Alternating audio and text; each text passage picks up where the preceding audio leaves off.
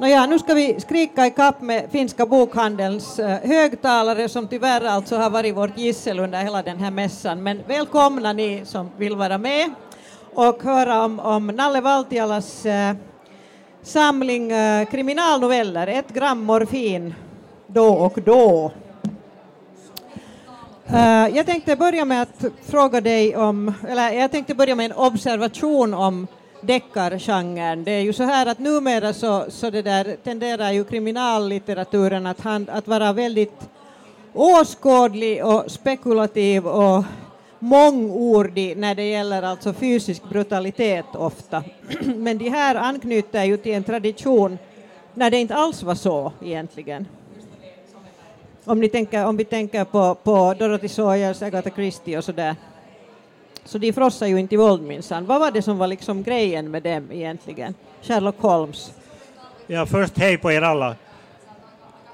Grejen var väl, väl att lösa en gåta, men eh, av bara farten så, så kom det ju med en hel del atmosfär och miljöbeskrivningar och annat som är väldigt trevligt så att, eh, och, och som jag tycker är eh, eh, den avgörande faktorn till att jag fortfarande läser de här gamla deckarna jag har, jag har nog haft långa pauser där. Som pojke och som yngling läste jag väldigt mycket. Framförallt eh, Conan Doyle, eh, Dorothy Sayers, Agatha Christie och några till. Eh, ja, naturligtvis Poes, de här, eh, eh hans eh, skräckhistorier och av bara farten då så upptäckte jag att Poe skrev tre deckarnoveller och han var egentligen den första på sätt och vis som, som gjorde det och som vars hjälte Dupin är ett slags förebild för uh, då, uh, uh, Sherlock Holmes. Uh, jag har aldrig läst egentligen in mig på den här nya deckarlitteraturen. Den intresserar mig inte. Jag, jag, är inte intresserad av våld, jag är inte intresserad av makt.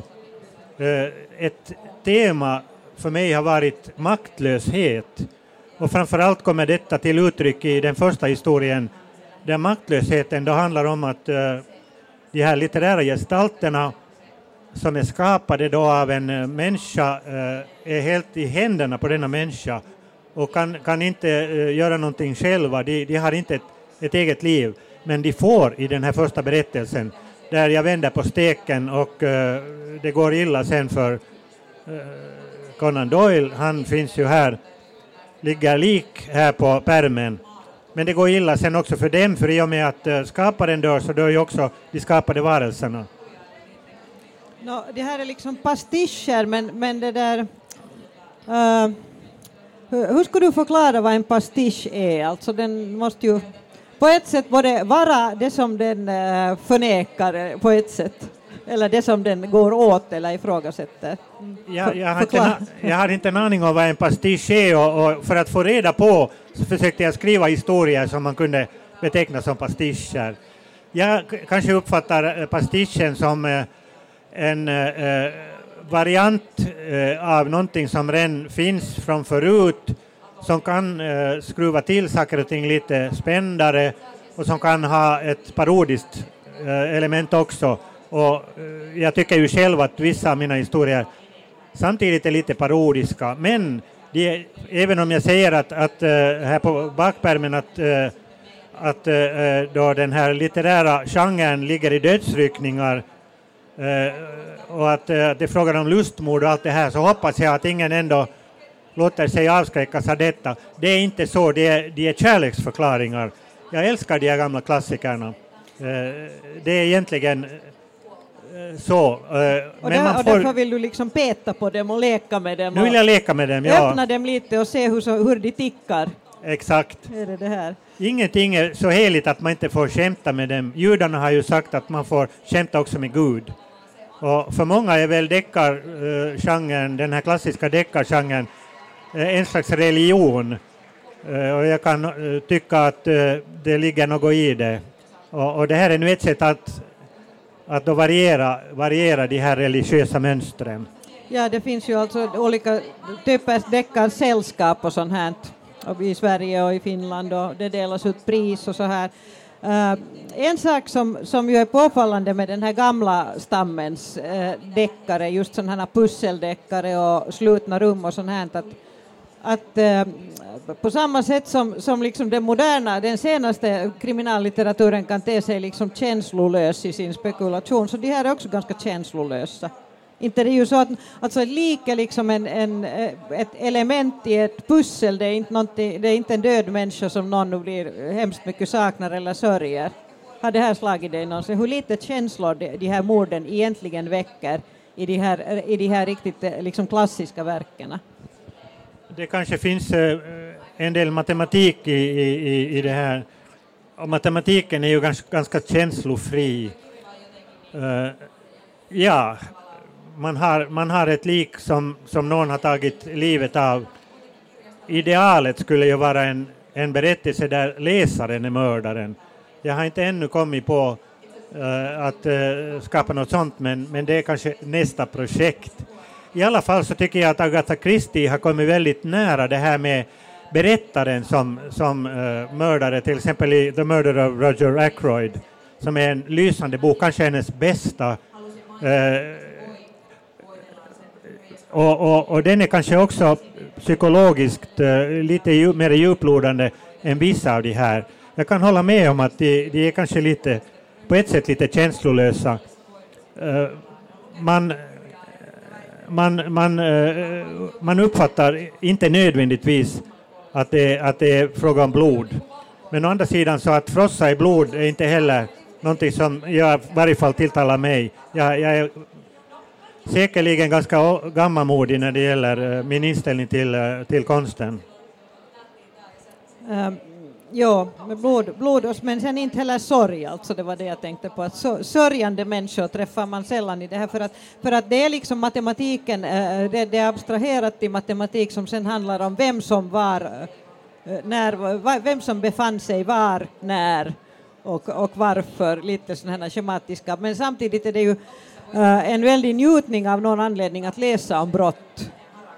Fast vi alla önskar naturligtvis att vi aldrig skulle bli inblandade i någon som helst brottslig verksamhet eller, eller liksom, vi har ju ingen åstundan att, att, att se våra närmaste mördare oft, mördade oftast eller så här, tror jag. Jag har förvånat mig över att intresset är så till den milda grad stort.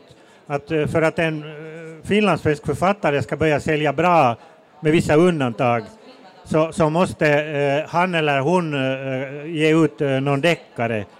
Och, och, man kan faktiskt efter en eller två deckare den, den bli ett stort namn. Vad är det som, som är så fascinerande? Det, det, är inte, det är inte så fascinerande för mig. Jag är mycket mer intresserad, i, i, i mitt fall har det handlat om en, att, att bygga upp en relation mellan, mellan de här klassikerna och, och, och mig själv och, och försöka att slå dem med deras egna medel och, och att eh, slå åtminstone mig själv med häpnad som jag har uttryckt någonstans.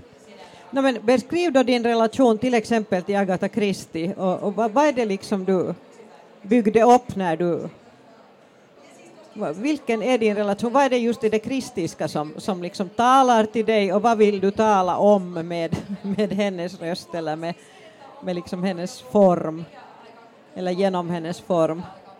Nu har jag ju inte eh, riktigt eh, en text om, om henne. Här finns en, en, text som jag ska strax säga någonting om. Men att min relation till henne, eller det som fascinerar mig hos henne, är, är ganska mycket nog eh, eh den detektiv hon använder sig av. Jag tycker att han kompletterar den, den bild man har av den klassiska deckaren med, med Sherlock Holmes då, som, som det stora namnet. Han är raka motsatsen i många avseenden och fascinerande i, i, eh, i sin eh, självbeundran. Är det alltså Poirot Poirot talar jag om. Ja. Ja, ja, jag nämnde, ursäkta, jag nämnde inte namnet.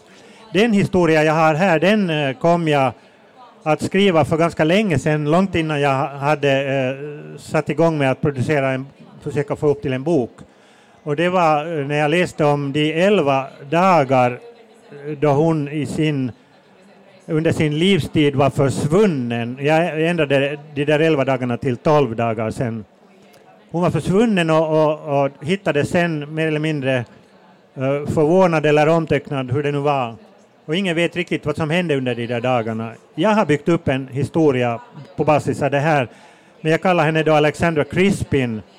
Man, man kan ju inte handskas hur man vill med, med alla eh, insomnade författare. Det måste ha gått 70 år innan, innan man kan använda sig av, av de här eh, gestalternas rätta namn och därför har jag i min berättelse då, eller i min bok, eh, några texter som, som då har eh, andra pe eh, personer, eller samma person med andra namn, som Lord Peter Wimsey har blivit eh, Lord Patrick Wimbledon till exempel.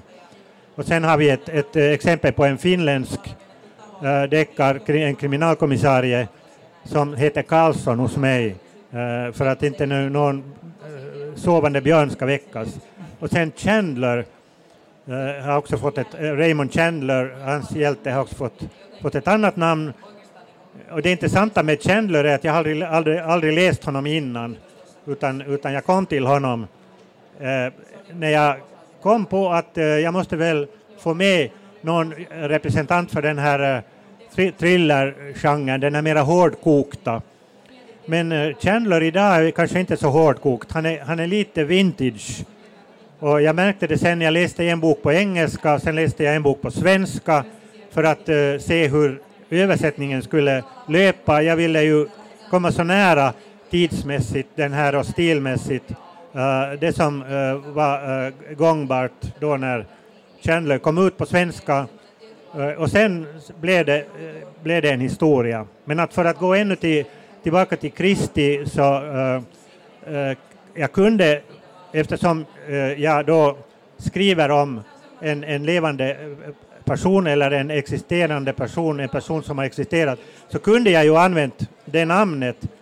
Men av chevaliermässiga skäl valde jag att inte göra det. Däremot har jag ju låtit uh, Hemingway skjuta Faulkner uh, som det ser ut. Uh, om ni vill kan jag återkomma till den historien. Där, där, där, har jag använt rätta namnen. No, där går du ju också över den här din genregräns för att de skrev du allt möjligt men direkt deckare skrev de ju inte. Nej, nej, nej, nej, utan det var det att jag någonstans läste att William Faulkner som var gravt alkoholiserad i likhet med uh, Ernest Hemingway och nästan alla amerikanska författare vid den tidpunkten. Det var någon kritiker som en gång fick frågan att uh, vilka amerikanska, uh, att hur är det med, med, med uh, amerikanska författare och alkoholen, eller hur det nu formulerades, den här frågan, så svarade han Well,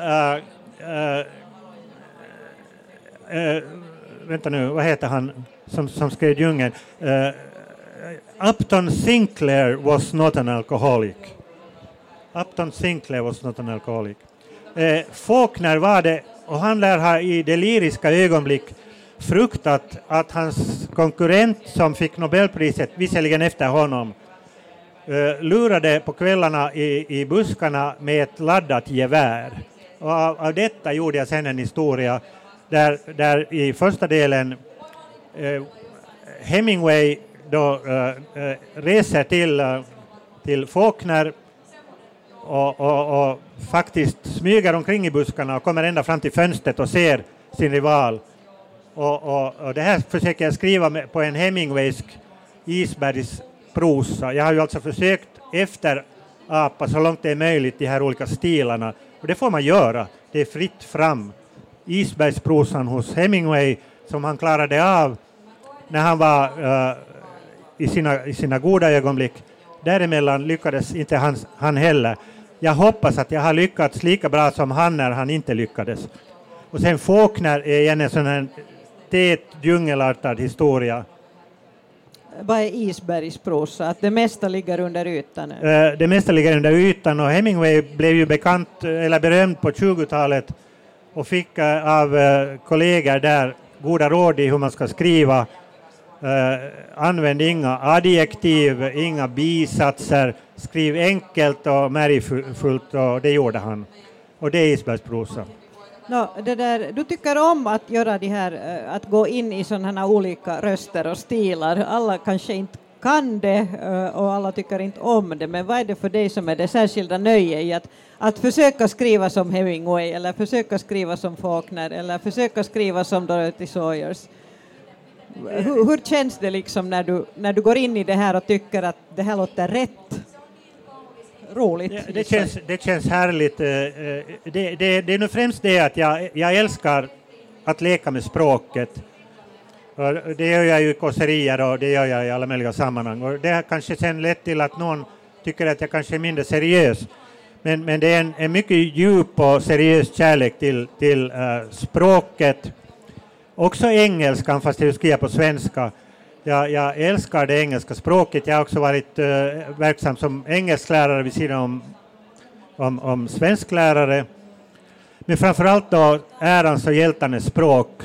Och att, att eh, vrida och vända på det så långt det är möjligt och, och se var gränserna går och, och, inte bara hålla mig till en stil, för, för jag, jag, jag blir eh, trött på mig själv eh, och, och, vill göra sen något, något annat. Och det har jag nu försökt med den här. Och kan jag inte imponera och överträffa Faulkner och Hemingway så kan jag kanske imponera på mig själv. Eh, uh, no, du, uh, till exempel så för några decennier sedan, rätt många faktiskt, så gav du ut en bok som heter Nationens hjälte som uh, du sa just själv, den hade pastischartade drag. Du fick ett stort romanpris, ett svenskt romanpris för den vill jag minnas. Det var Bra böckers pris som jag delade med två andra författare. Det var, det var mycket pengar brutto men, men sen kom Skatteverket och det blev inte så stort netto, men huvudsaken var att den kom ut och, och, och sålde fantastiskt bra eftersom bra böcker lät den, de här böckerna gå med eh, beställningar som gjordes på Bra böckers lexikon och vad, vad allt det nu var. Så att de var tvungna, det, det blev en tvångsmatning. Okay. Men, men tyvärr så tvångsmatades de här hundratusen svenskarna inte eh, så att de skulle också ha läst den här boken. Hur många som gjorde det vet jag inte. No. Ja, men, men den ja. handlade om, kanske vill du kan säga något jo, om den, den, den, har ju också... Den handlade om, eh, om, om då Charles Lindbergh, legenden. Uh, han hade ju ett barn som kidnappades och, och, som kanske aldrig återfanns, eller som möjligen återfanns mördad. Och vem som gjorde, uh, begick, begick detta mord blev heller aldrig riktigt klarlagt. Uh, det, här, det här är då utgångspunkten och, och jag låter då huvudpersonen Eh, Eh, ro över Atlanten istället för, för eh, flyga ett eh, en, enpropellrigt plan. Och jag har medvetet här åtminstone ett avsnitt i början som är en pastisch på Faulkner. Jag har varit mycket förtjust i Faulkners uh, stil och jag läste, jag har studerat Faulkner också i USA, jag läste Faulkner nästan allt, jag tror att det är en bok jag inte har läst och det harmar mig, jag ska nog göra det ännu. Och när jag skickade in detta manus till Bra böcker så kom det en förfrågan sen att hur är det, det, det gick in under arbetsnamnet IS, intressant nog.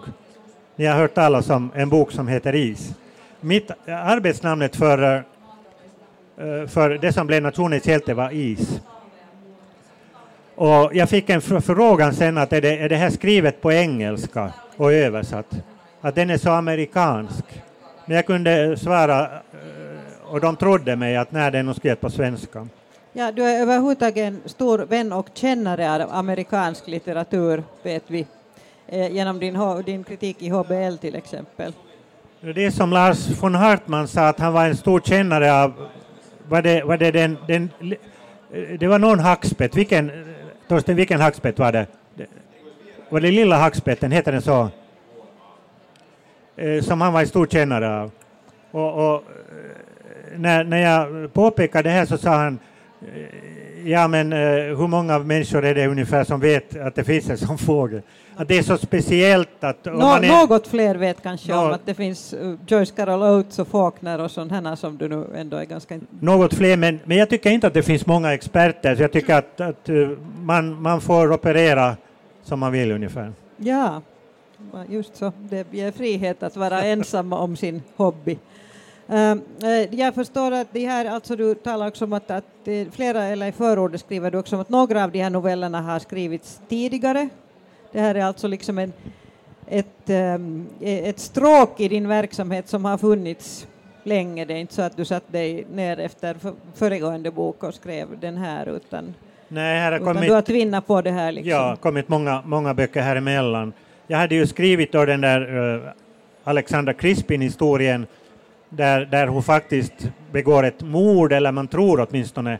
Och det löses långt efter hennes död, sen av ett ungt par som besöker hennes hem som ett museum och den vägen. Den, den ska jag först och sen den andra var, var nog den här Sherlock Holmes-historien. Och, och, då började jag fundera på en fortsättning och, eh, och eh, eh, den tredje som jag började på var eh, den här Edgar Allan Poe-historien. Jag skrev ett par sidor text som egentligen bara är en sån här förtätad miljöbeskrivning och, och, sen bytte jag dator, jag printade ut de där sidorna, bytte dator, det vill säga datorn gick inte att öppna sen plötsligt mera. Och, och de där utprintade sidorna försvann. Eh, jag hittade dem inte på flera år trots ivrigt letande i mitt eh, väldigt eh, kaotiska arbetsrum, eller det ena arbetsrummet. Jag måste lämna det för det gick inte att arbeta där längre. Det fanns inte plats så nu arbetar jag i ett annat rum. Det fanns ingenstans i detta rum men sen hade jag flyttat över en del material till min dotter Marias rum och hur det nu var så kom jag att gå igenom en, en trave som fanns där flera år senare. Och hastigt sen, där fanns de här felande sidorna. Jag skulle naturligtvis ha kunnat börja från början, men jag ville inte börja från början, utan jag tänkte att det finns väl en plan i det här. Någon har bestämt sig för att sen när han hittar dem, då fortsätter han, vilket jag gjorde. Och sen kom de här andra efter det. Um, No, eh, vem skulle du nu då säga att är din favorit av de här, de här, klass, de, de här klassikerna i, de här, i den här genren? De här som finns i liksom sommarstugornas bokhyllor. Vem, vem är dig kärast sådär?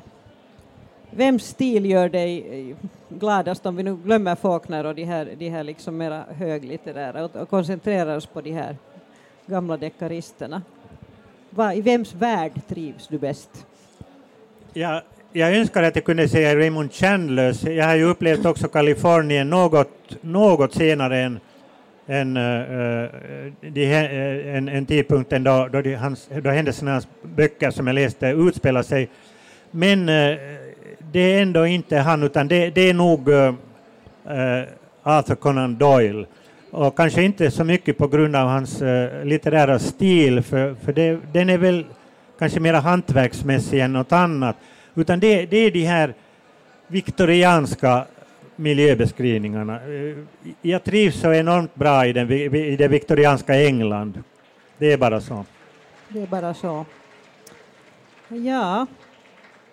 Jag tror att jag fick applåder för det där. Ja, just så. Men det viktorianska England har ju varit en stor litterär inspiratör. Det finns alltså de som verkligen trivs där. Det, uh, Eh, har du nu räknat, nu har jag, jag kommer inte ihåg vad det, resultatet blev om jag räknar, men eh, nu har du nu, hur är det med män och kvinnor i din bok? Är det så att det här är, för att den här guldåldersdeckan som vi ju egentligen talar om, det var ju en, en sån här kvinnoinbrytning också, mm. där kom de här stora namnen, Dorothy Sayers, Agatha Christie som inte direkt finns med här. Men det där...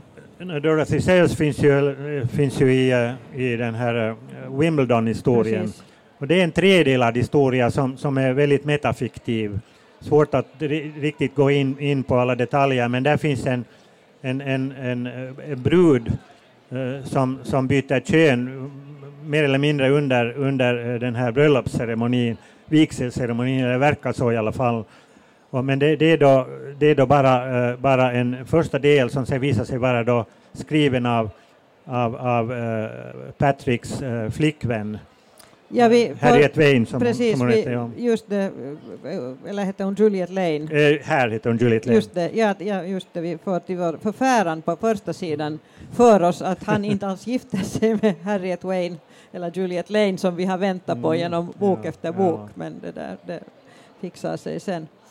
Um, och det fortsätter sen och, och man vet inte om sista delen heller är sann, men, men jag tror att jag tror att, att, den, den, du tror att, den du tror. att det är verkligen så, så det, det, det, det har gått till. Och, men den är oavslutad, för han finns i stor fara i någon annan världsdel, jagad av Erik von Stroheim, som han, som han kallar honom. Inte den, den bokstavlige herren, men någon som han kallar så, och som, som är någon, någon organisation av allt att döma som är ute efter honom och som han försöker avslöja. Men det är väldigt mystiskt då. Jag vet inte desto, inte desto mer än någon, det, någon det är lite riskabelt att lämna det oavslutat. Det hör ju liksom inte riktigt Ja, ja. Eh, till god, god ton i genren, men om man gör pastisch då får man göra som man vill. Jag hoppas ju det och, och jag har nog aldrig brytt mig om, om reglerna. Okej. Eh, jag ska säga att, eh, att det där det händer inte trots allt allt för ofta att finlandssvenska böcker så där ploppar upp idén på sådana här olika rekommendationslistor men Lotta Olsson som har läst en och annan deckare i alla genrer hade med den här med stark rekommendation härom veckan. Det antar jag att vi kan notera på pluskonto och, och det där alla som förtjänar det råkar inte ut för det, men lyckligtvis händer det nu dig, så att det kan vi ta som en rekommendation, eller hur? Ja, jag, eh, jag har ju läst bara de två första sidorna för jag är inte kund eller, eller uh, prenumerant. Är det sant? Du har inte sett det här själv? Jag har sett de två, läst de två första raderna. Just så, ja, ja, okej. Okay. Men jag, jag har alltså fått, var... fått löfte om att få den från, en, från förlaget. En kort men kraftig rekommendation. Mm. Ja, så att vi slutar med en kort men kraftig rekommendation. Att uh, ni följer efter Nalle Valtiala till Litorale. Tack för att ni kom och nu tror jag faktiskt att det här var vår sista programpunkt på denna bokmässa. Tack så mycket för min del. Ha det så gott.